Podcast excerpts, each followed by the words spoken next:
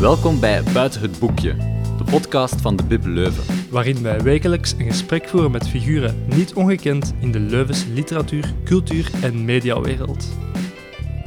In deze aflevering ontvangen we Leuvens schepen van cultuur, toerisme en evenementen Denise van de Voort. Met haar willen we het hebben over wat het culturele en kunstige leven in Leuven doet bruisen, culturele initiatieven tijdens de coronacrisis en haar favoriete auteurs en boeken. Al sinds welkom. Dank u wel. Denise van der Voort. Schepen van cultuur, evenementen en nog een aantal dingen. Ja, ja. Vertel me. Deeltijds kunstonderwijs, toerisme en senioren. Oké. Allemaal fijne bevoegdheden. Ja, ik vind dat ze fijn klinken. Hoe bent u daar geraakt? Hoe... Door toeval. Oké, vertel. Ik ben eigenlijk... eh, ik heb nooit, nooit de bedoeling gehad om echt politieke mandaat op te nemen, maar ik was wel altijd achter de schermen betrokken in allerlei debatgroepen. En wat mij vooral interesseerde was de sociale rechtvaardigheid en de invalshoek van het sociale. En zo ben ik eigenlijk ook alweer door toeval eh, eerst OCMW-raadslid geworden, want dat was echt mijn betrachting. Voordat ik ooit op een lijst gestaan heb, ja, als onafhankelijke dan, ben ik OCMW-raadslid geworden. De tweede keer stond ik als onafhankelijke op een lijst. Was ik verkozen voor de gemeenteraad, maar ik heb dadelijk gezegd, ik wil terug naar dat OCMW. Dat ik dat een heel belangrijk instrument vond en vind in het sociaal beleid van een stad. En dan de keer daarop, eh, ondertussen was ik lid geworden van de SPA. En dan heb ik gezegd, ja, terug verkozen, nu ga ik zetelen in de gemeenteraad. En mijn eerste dag als gemeenteraadslid werd ik al fractieleider gebombardeerd door een zekere Allereerste dag. burgemeester, Tobak. Die zei, ja, ik heb geen andere kandidaat, wat natuurlijk dik gelogen was. maar eh, hij vond mij de aangewezen persoon daarvoor, waarschijnlijk omdat ik hem dikwijls tegensprak. En eh, ik ben dat twee jaar, twee jaar en een half geweest, fractieleider. En opeens werd ik schepen. Dus dat is echt een, een carrière die ik nooit zelf gepland had of heb, en, eh, maar waar ik wel heel blij mee ben. Dus vandaar, ik heb, ben eigenlijk schepen geworden toen ik 45 was al. Dus ik heb op heel veel plaatsen gewerkt. Ik heb heel veel functies gehad. En ik heb heel lang in de sociale sector gewerkt, eh, maar ook voor eh, de federale overheid, heel eventjes. Ik heb voor een Europees project gewerkt en ik heb twee jaar voor de provincie Vlaams-Brabant gewerkt.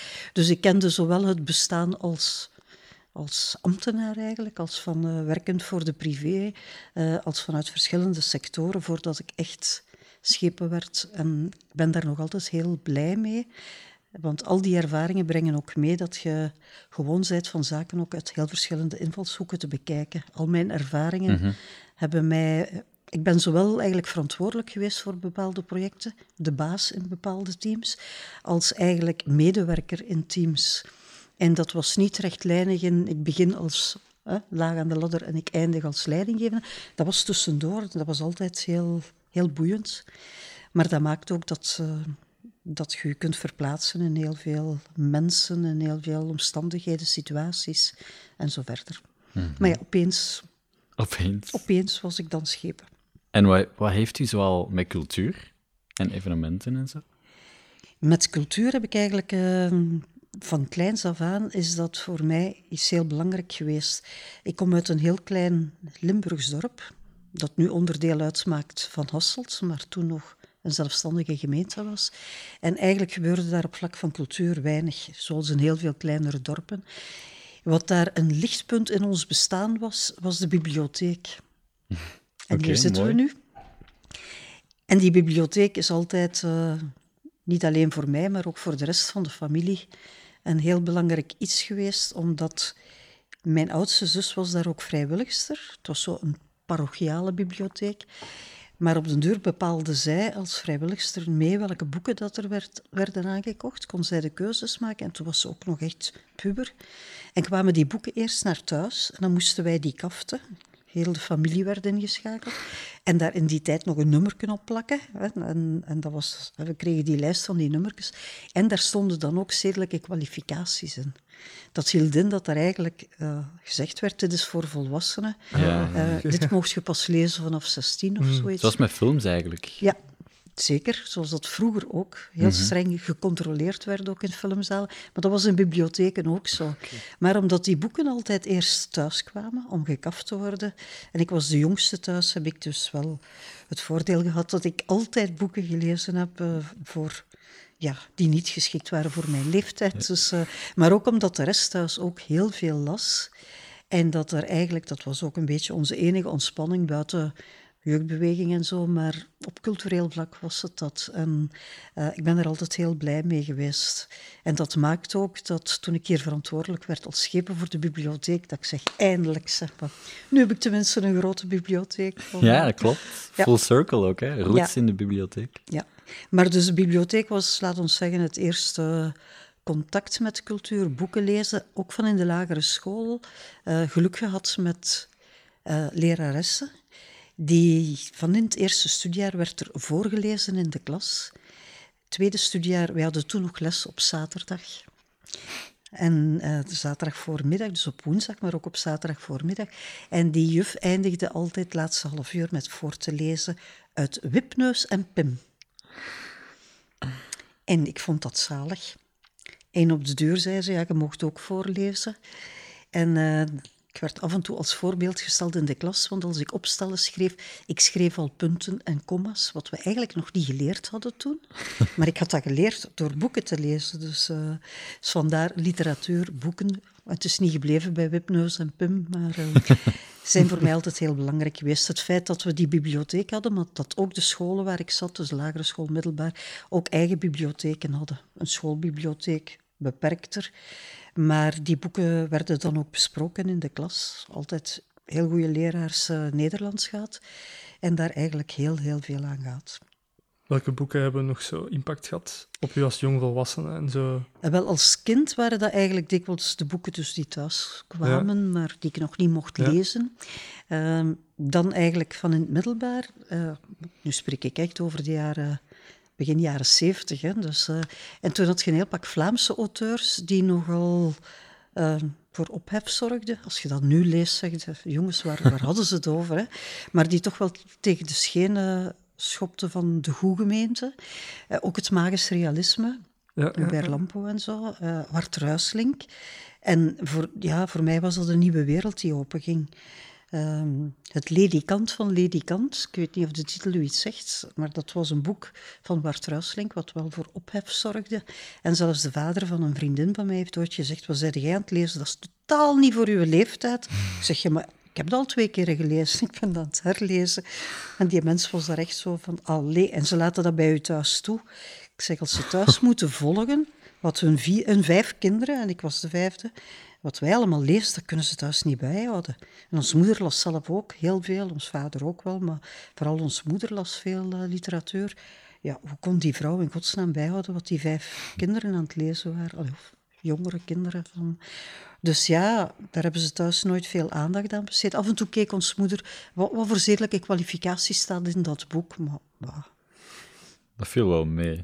Dan smokkelde ik dat mee naar bed s'nachts en dan las ik het daar verder. Maar om maar te zeggen dat literatuur is voor mij belangrijk geweest. En er zijn fases geweest in welk soort literatuur. De lagere school bijvoorbeeld, de laatste drie jaar kregen wij ook prijsboeken. Naar gelang of je eerste of tweede waren in de klas. En zo heb ik Roald Dahl leren kennen. Eerst als, als auteur voor kinderen, jongeren. Later ook zijn werk voor volwassenen. Via Roald Dahl ook Edgar Allan Poe. Mm-hmm. En eigenlijk zijn dat allemaal zo stappen geweest en fases. Dus ik zeg in het middelbaar, de eerste jaren was dat veel uh, ja, magisch realisme, Wart Ruislink en toestanden. Um, maar later werden dat dan eerder ook uh, andere schrijvers. En ik denk op het einde van het middelbaar, maar zeker de eerste jaren in Leuven, um, wat in elk geval voor mij een heel... Uh, heel bepalend is geweest, is zijn uh, feministische en filosofische schrijfsters. En alweer, dan moet je dat kaderen in het feit van, dat was in, uh, ja, ik ben in 75 in Leuven gearriveerd. De positie van meisjes, vrouwen, was nog altijd niet wat het nu is. En er is nog altijd wel werk aan de winkel, maar in elk geval toen, um, ook aan de universiteit, was er ook nog wel veel werk aan de winkel. Ook hoe proffen omgingen met vrouwelijke studenten. En wij hebben dan eigenlijk een beetje een, een noem het een feministisch clubje opgericht met acht vrouwen. Uh, in eerste of tweede kan was dat al. In onze tijd heette dat nog kan, hè, kandidaturen. En hebben wij de boeken verslonden van uh, Germaine Greer, Simone de Beauvoir, um, Virgin, Virginia Woolf. Um, en ik heb dat eigenlijk uh, achteraf pas beseft wat, dat het toch wel op mij heel veel impact heeft gehad. Dat was ook een thema waar wij dikwijls over bezig waren van hoe wij als jonge vrouw ook niet te vergeten, ondertussen waren, zijn er ook een paar vrouwendagen in Leuven doorgegaan, Belgische vrouwendagen. En hielpen wij ook mee aan het programma of deden wij daar protestacties, dus wij waren ook wel... En pas achteraf heb ik beseft, door al die contacten die ik daardoor ook heb opgebouwd, dat wij toch echt wel heel veel bezig waren met die positie van de vrouw, maar ook met... Uh, en dat is een rode draad, denk ik, in mijn leven met rechtvaardigheid. En niet rechtvaardigheid in de zin van caritatief zorgen dat iets in orde komt, maar wel structurele rechtvaardigheid. Dat, vandaar denk ik, ik heb sociologie gestudeerd, dat ik ook heel bewust voor sociologie gekozen heb. En dan later ook bijvoorbeeld in mijn werk. Ik heb uh, heel veel gewerkt voor jeugdhuizen voor kansarme jongeren, heette dat in der tijd. Dat bestaat al lang niet meer. Uh, en dan ook voor, um, later ook voor een aantal ja, in de sociale sector, crisisopvangcentrum, werken met ex-gedetineerden. Vandaar ook mijn interesse in het OCMW, waarin dat mij altijd ging over, ja, je kunt individueel mensen begeleiden, mensen ondersteunen, zorgen dat ze het zelf aan kunnen, die weerbaar maken. Nu zouden we zeggen, zorgen voor hun veerkracht en dat versterken. Maar als er structureel niks verandert, dan blijven mensen terug in de shit belanden. Hm. En die drijfveer is er altijd geweest, maar ik denk dat ook uh, ja, de literatuur die ik las daartoe ook heeft bijgedragen. Nu natuurlijk ook mijn opvoeding thuis maar, uh, en op school, maar zeker ook de dingen die ik gelezen heb en de contacten die ik had door veel te lezen en door veel te spreken ook over wat wij lazen en hoe wij dat interpreteerden. Dus uh, ik weet dat ik bij een vak in sociologie, historische kritiek, die prof, ik vond het een zeer aangename mens. Zijn lessen waren niet zo aangenaam, maar we zaten daar met een kleine groep. En dat maakte dat we ook heel veel interactie hadden met elkaar. En dan uh, moesten we eigen voorbeelden geven op het examen, mondeling examen. En ik gaf vooral voorbeelden uit feministische hoek. En op de deur lag die mens onder zijn bureau van het lachen. Van waar blijft je het halen? maar ik had wel een driedubbel A. Ik zei, dus zij had het wel geapprecieerd. Want bij sommige dingen zei nu moet je toch echt zeggen waar je dat gehoord of gelezen hebt. En dan kon ik dat citeren uit uh, dat of dat boek. en dan, uh, maar hij vond het altijd terecht. Het ging bijvoorbeeld ook over in de middeleeuwen dat uh, kunstenaars, heel veel kunstwerken die wij toeschrijven aan mannen, zijn eigenlijk gemaakt, bijvoorbeeld, dikwijls ook uit adellijke families, um, werden gemaakt door dochters of zussen of vrouwen, maar die niet naar buiten konden komen. Mm -hmm. Of dat werd niet geaccepteerd dat die met kunst zelf bezig waren, of een atelier hadden, of, of werkten op modellen. Um, dus dat werd dikwijls de naam van broer of vader, die dan meestal ook kunstenaar was natuurlijk. Um, dus dat soort dingen, dat heeft mij altijd geïntrigeerd. Hoe komt dat nu toch dat dat niet kon als vrouw? Terwijl ik ondertussen dan uit historisch onderzoek wel geleerd heb, en dat is dan ook weer iets wat wij in Leuven heel sterk doen vanuit zowel de erfgoedcel, maar ook vanuit uh, ons archief hier, onderzoek laten doen over bepaalde thema's. En bijvoorbeeld vorig jaar zeker is er vanuit uh, een onderzoeksgroep van de universiteit, ook een beetje in samenwerking met ons, het boek Wijvenwereld uitgekomen. En dat gaat eigenlijk over de positie van vrouwen in de middeleeuwen. Het was niet alleen met Leuven, het was ook met Gent, omdat mm -hmm. daar de sterkste uh, archieven aanwezig zijn. En dat ging er dan over dat vrouwen eigenlijk in de middeleeuwen meer vrijheden hadden, dus handel konden drijven, um, dus zelfs als getrouwde vrouw. Uh, dus wat dan paar eeuwen later niet meer kon. Mm -hmm. Waar vrouwen die rol niet meer mochten. Hoe komt dat dat er zo'n kentering is geweest? Uh, ook, ook het huwelijk zo van, ja, in de middeleeuwen, wie trouwde er? Dat was de adel. En dat mm -hmm. had te maken natuurlijk met de, de, verdeling van eigendommen en de versterking van macht. Mm -hmm. Maar de gewone mensen huwden eigenlijk niet. Het is pas door uh, -hmm. de katholieke kerk dat daar eigenlijk ook uh, de gewone mens begon te trouwen. Er waren meer vrijgezellen ook, hè?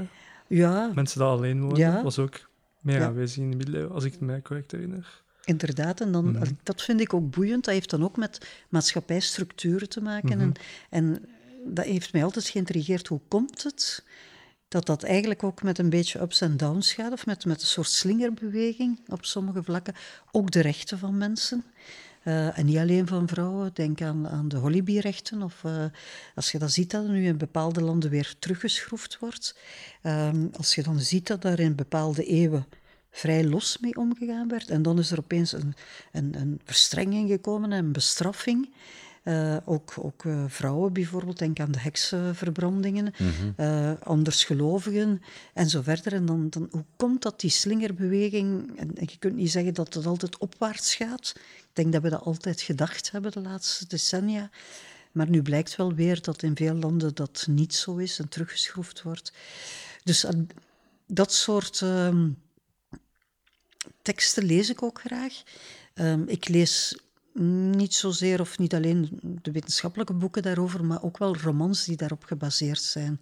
Omdat die dikwijls ook een sfeer oproepen eh, van, van, van die tijd. En dat dan. eh, ik denk dat iedereen die graag boeken leest ook wel een, in een eigen wereld leeft op dat ogenblik dat je een boek leest. Ja, zit je in een andere wereld. En als ik dat boek lees, is dat anders dan als jij dat boek leest. Want je kleurt dat natuurlijk ook in vanuit je eigen achtergrond, je eigen ervaring. En toch hebben we een gedeelde ervaring, hetzelfde als naar muziek luisteren. Ik denk dat iedereen andere muziekervaringen heeft.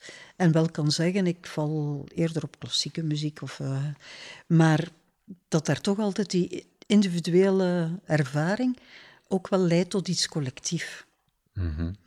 En dat vind ik ook het, sterkst, sterkste aan cultuur en kunst.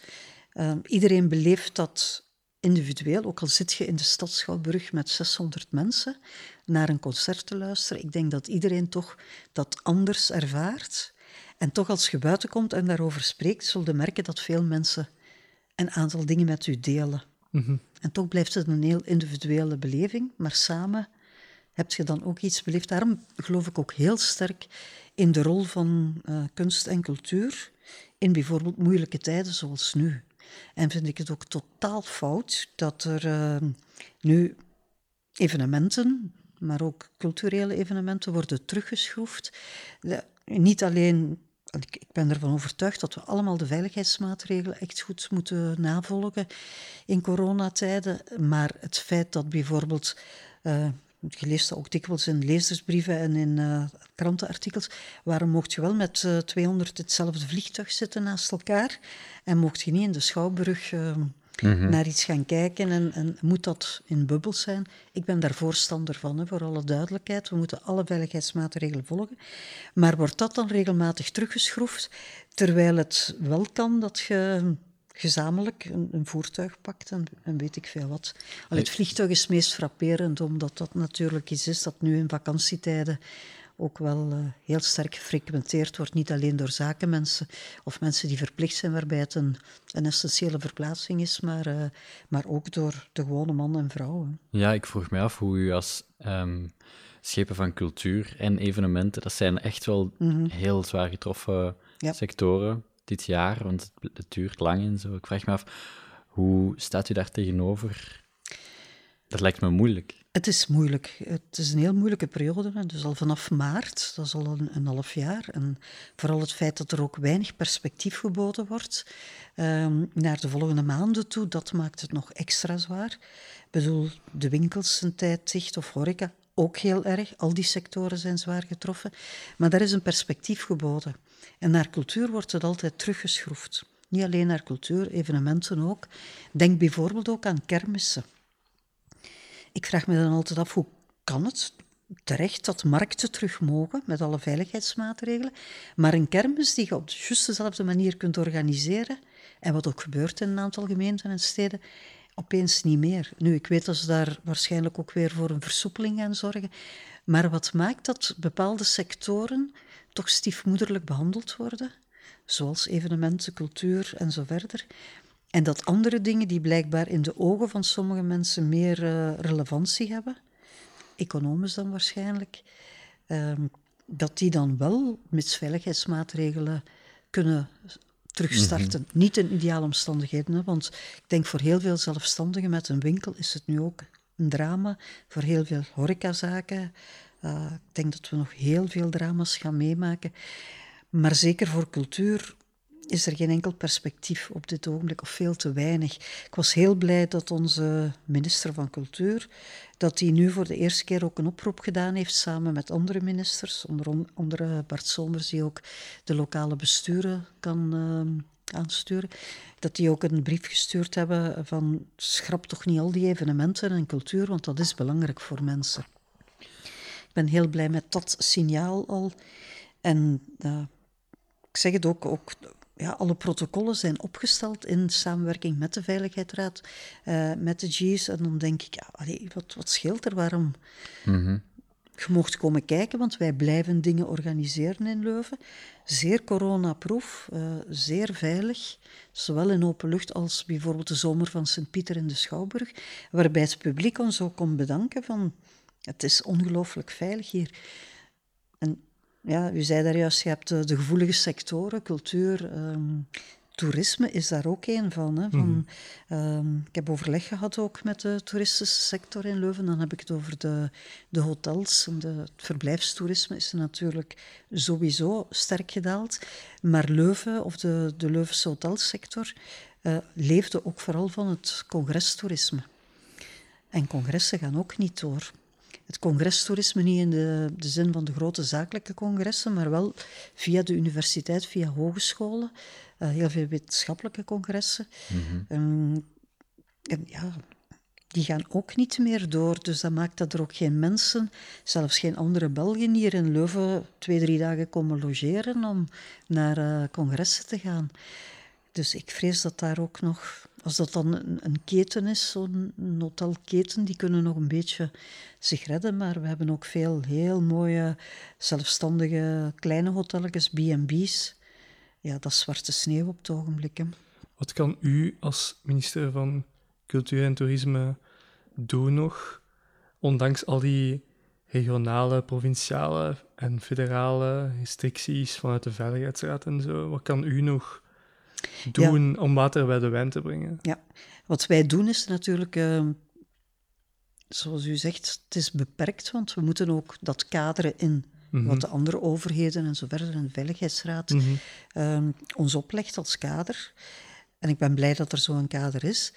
Uh, maar het is natuurlijk wereldwijd. Dus als ik het heb bijvoorbeeld over congrestoerisme, ja, de UNIF van Leuven, die zo hoog aangeschreven staat, die heeft ook heel veel internationale gasten bij congressen. Die komen niet, die kunnen niet komen, die mogen niet komen. Daar kunt je als stad natuurlijk weinig aan doen. Je kunt je stad promoten voor ja, het binnenlands toerisme. En, en dat hebben we ook gedaan. We hebben dat ook niet alleen gedaan. We hebben dat samen gedaan met de andere kunststeden. Omdat we eigen troeven hebben als kunststad. De andere kunststeden, dat is dan Brugge, Gent, uh, Mechelen, Antwerpen. Wij zijn dan uh, nummer vijf.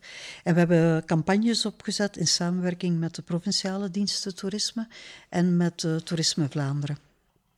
Toerisme Vlaanderen, die zich meestal toelegt op het internationale toerisme, maar die ook zeggen dat heeft nu geen zin. En die ondersteunen ons en doen ook eigen campagnes nu naar het binnenlands toerisme. En elke streek wordt dan benaderd vanuit zijn of haar eigenheid en, en ook de, de gemeenten en de steden. Dus je hebt plattelandstoerisme, het toerisme aan zee, de Ardennen. En dan voor de kunststeden is er een eigen programma uitgewerkt, waarbij we hopen, en dat lukt wel wat, um, dat de mensen komen vanuit het eigen land en dan ook liefst uh, één of twee nachten blijven logeren. Dat is nog een moeilijke. Dat gebeurt nog niet zoveel.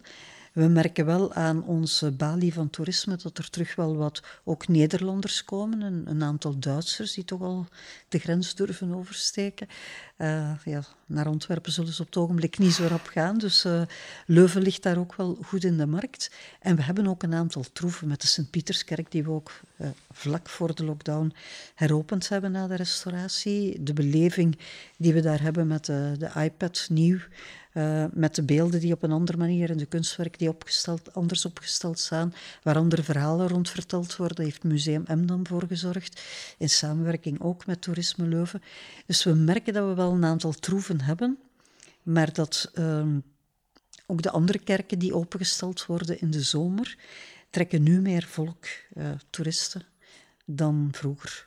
Dus je merkt dat die campagnes wel wat opleveren, maar naar het verblijfstoerisme is dat nog te weinig. Ja, binnenlandse toeristen zeggen we pakken de trein mm en, en s'avonds gaan we terug.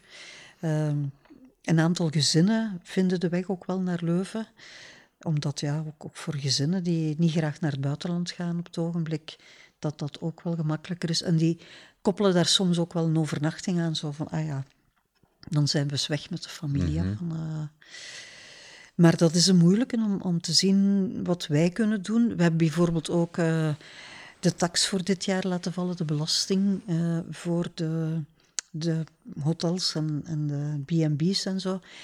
Maar dat is allemaal natuurlijk dat is belangrijk voor hen, maar zolang als er niet internationaal terug mogelijkheden komen, dat er terug meer congrestoerisme kan, uh, is dat een internationaal toerisme, is dat een heel moeilijke. Sommige hotels hebben ook besloten van niet open te doen. Dus er zijn er die ja, een beetje de kat uit de boom kijken en zeggen september, misschien oktober. En begrijp dat ook, hè, want uh, uiteindelijk heb je dan je kosten van je personeel die nu meestal dan op technische werkloosheid staan, uh, die je dan niet moet dragen als hoteluitbater. Maar het is natuurlijk, je moet perspectief hebben, hè, want anders dan blijf je niet in die sector actief als, uh, als bedrijf eigenlijk. Hè. -hmm. Dus ja, moeilijk, moeilijke sectoren. Uh, ik probeer zoveel mogelijk te overleggen. We proberen met de stadsdiensten ook ondersteunend te werken, eigen campagnes uit te werken, uh, zowel wat cultuur betreft en evenementen. We, meestal doen wij met cultuur in de zomer uh, niet veel eigen activiteiten, omdat we wisten, dan is Leuvenement er met evenementiële. Mm. Um, we, we doen in het museum dan meestal met zomer. We hebben de zomer van Sint-Pieter wel. We hebben de orgelconcerten, we hebben de bijaardconcerten. Maar eigenlijk was het vooral Leuvenement dat dan zorgde voor de grote evenementen. En, en dat bracht altijd heel veel sfeer. Ja. Nu hebben we de handen in elkaar geslagen en hebben we eigenlijk een zomerprogrammatie gemaakt over heel de zomer met kleinschalige dingen. En natuurlijk wat dan uh, 13 augustus begint, de anderhalve meter sessies, uh, waar we wel een aantal grote namen toch hebben kunnen strikken, maar waarvan we weten, ja, we kunnen maximum 200 man toelaten als, als de ruimte het toelaten. We hebben die ruimtes gelukkig wel in open lucht. Uh, dus, maar daar merkt je, ja, we moeten echt zorgen dat dan niet altijd dezelfde mensen de tickets kopen. Ja. Daarom hebben we ook geprogrammeerd op dezelfde avond of dezelfde dag, zodat er een keuze moet gemaakt worden en dat ook andere mensen een kans krijgen. Dat je niet alleen voor de happy few aan het werken bent, maar dat, en dat we ook laagdrempelige dingen doen, dat we ook gratis dingen doen, betalende dingen, dus dat we een afwisseling hebben en toch wel zorgen dat we ook voor gezinnen iets hebben, maar ook voor mensen die niet de gewoonte hebben van een ticket op voorhand te reserveren. En gespreid over de stad, over de deelgemeentes. Um, dus dat er echt wel dat mensen zich ook niet te ver moeten verplaatsen als ze dat niet graag doen. En dat we echt in, uh, op allerlei plaatsen, ook verrassende plaatsen soms, iets organiseren of laten organiseren door derden. Maar dat wij altijd wel nakijken dat het coronaproof is. Ja. Dat wij ook controleren, zitten mensen in bubbels, wordt er echt wel naar gekeken, dat iedereen hè, met handshell werkt en zo verder. Dus dat is ook een vorm van ondersteuning, dat wij dan ook zorgen dat die materialen aanwezig zijn, dat wij zorgen voor ticketverkoop en zo verder. Hè. Dus ook met depots samen bijvoorbeeld gaan er een aantal concerten door, zowel op de binnenplaats van het Heilig Drievuldigheidscollege als in, uh, als in het museum in de binnentuin. Dus we proberen wel ook alle actoren, en dat vind ik ook heel belangrijk. We hebben van in het begin gezegd, voor die zomerprogrammatie gaan we ook werken met Leuvense organisaties. En we gaan die ook betalen. Dus ook freelancers die bijvoorbeeld gewoon zijn van te werken voor een cultuurhuis, kunnen op die manier ook wel voor een deel aan de bak blijven ook heel belangrijk. Hè? Want uh, het zijn wel mensen die, die uh, in Leuven altijd gewerkt hebben, of, of ook voor Leuvense organisaties gewerkt hebben, die nu ook zwarte sneeuw zien. En dat we echt mhm, vinden, mhm. wij moeten zorgen dat die aan de bak kunnen blijven. Maar natuurlijk, uh, dat is dan de zomerprogrammatie. In het najaar hebben we ook nog een aantal dingen voorzien, maar nog allemaal binnen het kader van de veiligheidsmaatregelen, in de hoop dat we dan daarna toch weer wat kunnen uitbreiden maar die hoop leeft ook natuurlijk bij huizen zoals Het Stuk, het Depot, het Nieuwstedelijk, uh, die dan ook hun programmatie allemaal hebben aangepast. Um, maar dat heeft toch wel bloed, zweet en tranen gekost om alles op een andere manier te organiseren. Wat er achter de schermen van werk is verzet door al die teams in de culturele sector en de evenementiële sector, chapeau. Dat is echt waar. Uh, en dat is iets wat het publiek of de mensen dan niet zien. Hè. Dan, maar dan denk ik, hoe die alles herdacht hebben, ook uh, de manier waarop ze optredens organiseren, niet alleen mm -hmm. het, het puur functionele organisatorische, maar ook het inhoudelijke. Um, we hebben echt uh, sectoren en organisaties om zeer trots op te zijn. We hebben die al lang en we zijn er al lang trots op, maar nu in deze moeilijke tijden ben ik daar nog extra trots op. Ja, moeilijke tijden creëren uitdagingen en innovatie ook. Hè? Ja, ik ging het vragen. Heeft u eigenlijk, niet ondanks, maar door de crisis, wat betreft cultuur en evenementen, nieuwe initiatieven gezien in Leuven? Zeker. Um, er wordt nu heel veel natuurlijk digitaal gewerkt ook. En dat uh, heeft ook een bepaald publiek uh, aangetrokken. Tot mijn verbazing ook mensen die dat eigenlijk nog nooit gedaan hadden. Als we het hebben bijvoorbeeld over senioren. Er is een groep senioren die tot uh, onlangs, tot een paar maanden geleden, ook niet wisten hoe ze moesten omgaan met een iPad of met bepaalde programma's. En die daar nu wel mee kunnen werken.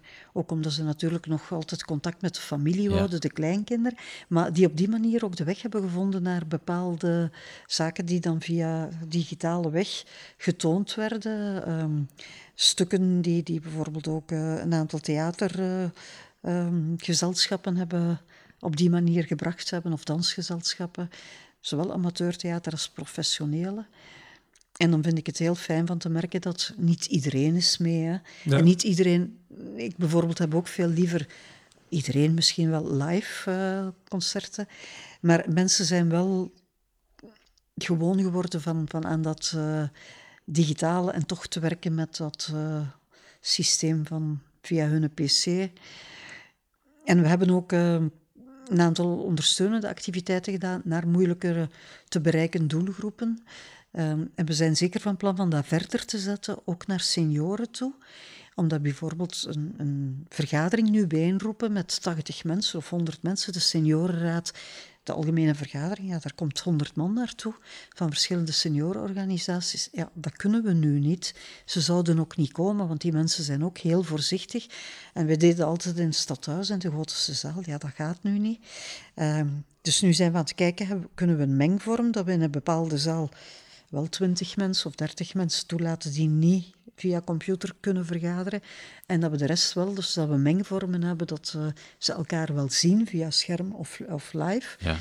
Um, om toch te zorgen dat iedereen betrokken blijft en uh, dat we ook kunnen ja, informatie overbrengen, maar ook samen zoeken naar hoe kunnen we elkaar ondersteunen en ook voor de volgende maanden, het volgend jaar misschien, toch wel zorgen dat uh, ook dat publiek bereikt wordt en versterkt kan worden in de beleving en in het omgaan met die, met die middelen.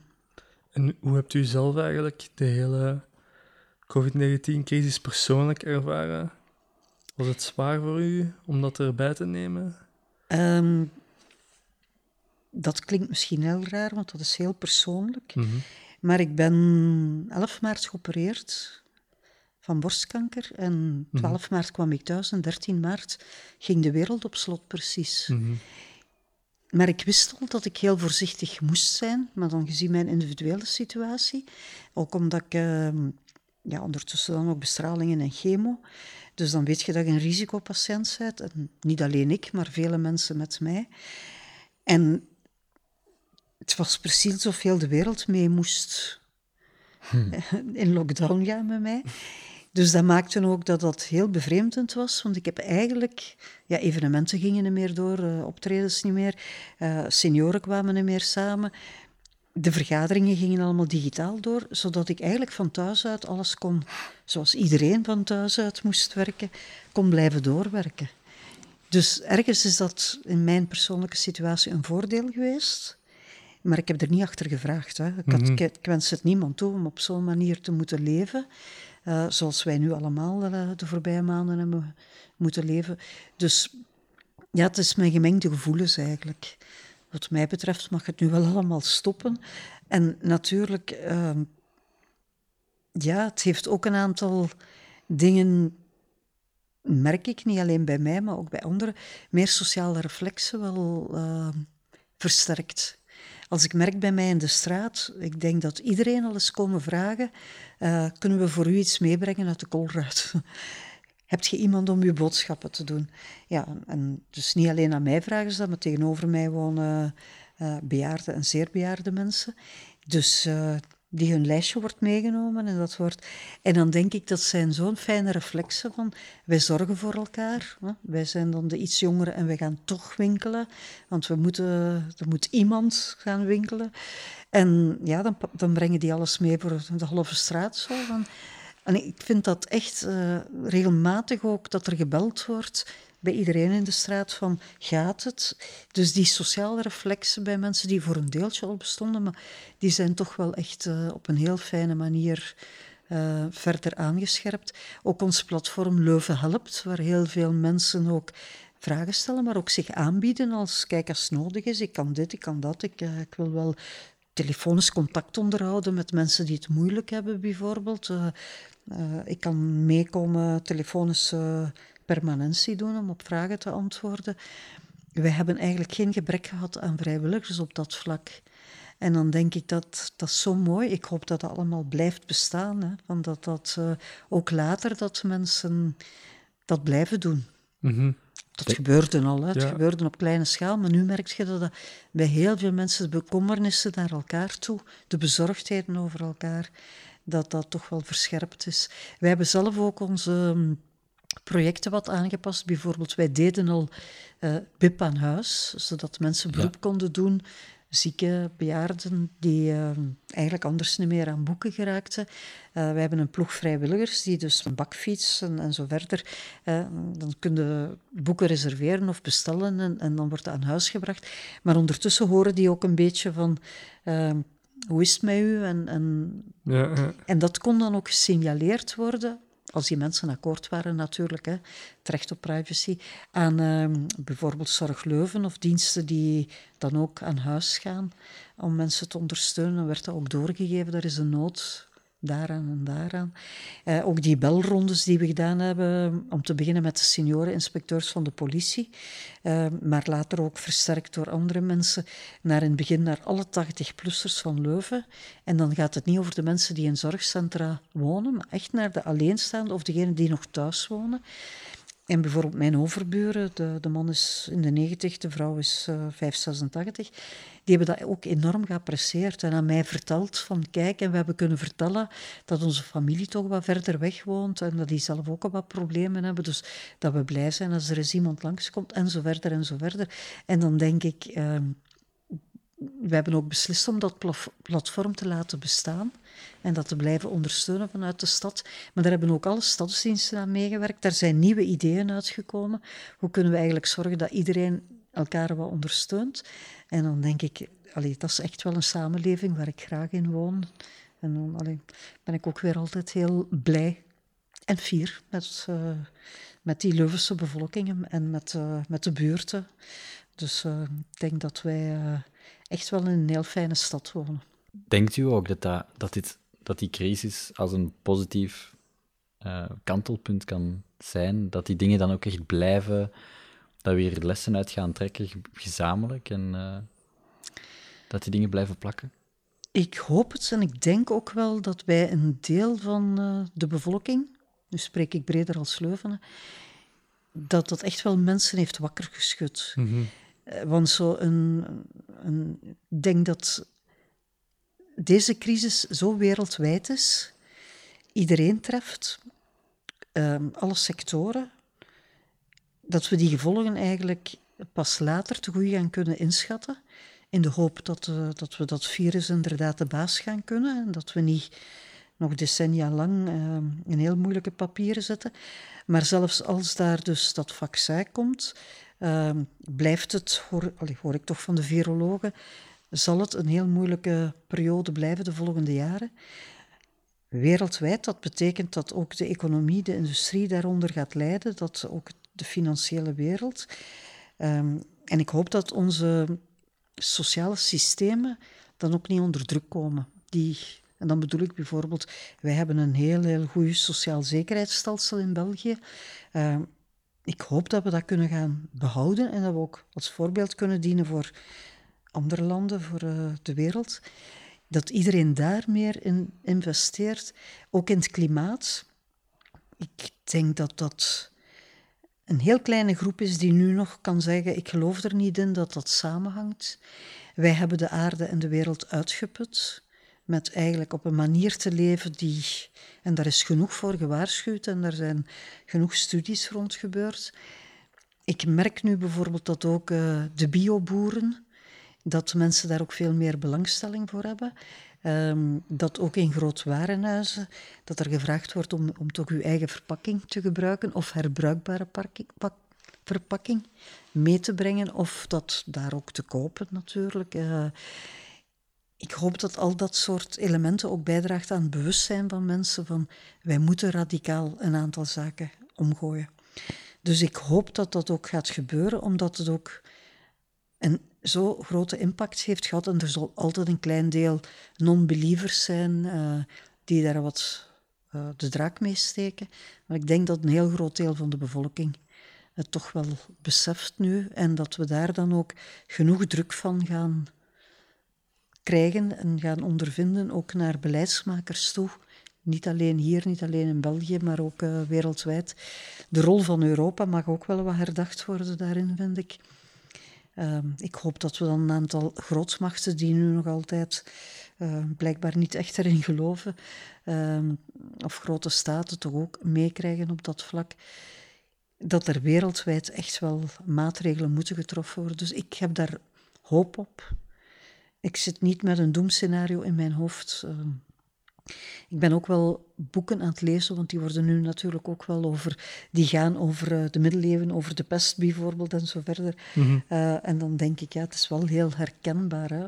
Ook Leuven heeft uh, eeuwen geleden toch wel onder de pest geleden, de cholera. er zijn rampen geweest die niemand zich nu nog herinnert, maar die toch ook wel enorm veel. Allee, Leuven heeft toen maar een vijfde of zo van zijn bevolking overgehouden. Um, dus de gevolgen toen op de samenleving, natuurlijk Leuven was toen veel kleiner. En, uh, en, en, ik denk dat soort rampen heeft zich ook nog voorgedaan in andere landen. Maar dat waren dan ontwikkelingslanden, ver van huis. Hè. Daar waren we met een groep wel bezorgd over, maar toch. Uh, maar nu treft het iedereen, dus ik hoop echt dat er een, uh, een klik komt. En dat dat zich ook zal vertalen in beleidsmaatregelen.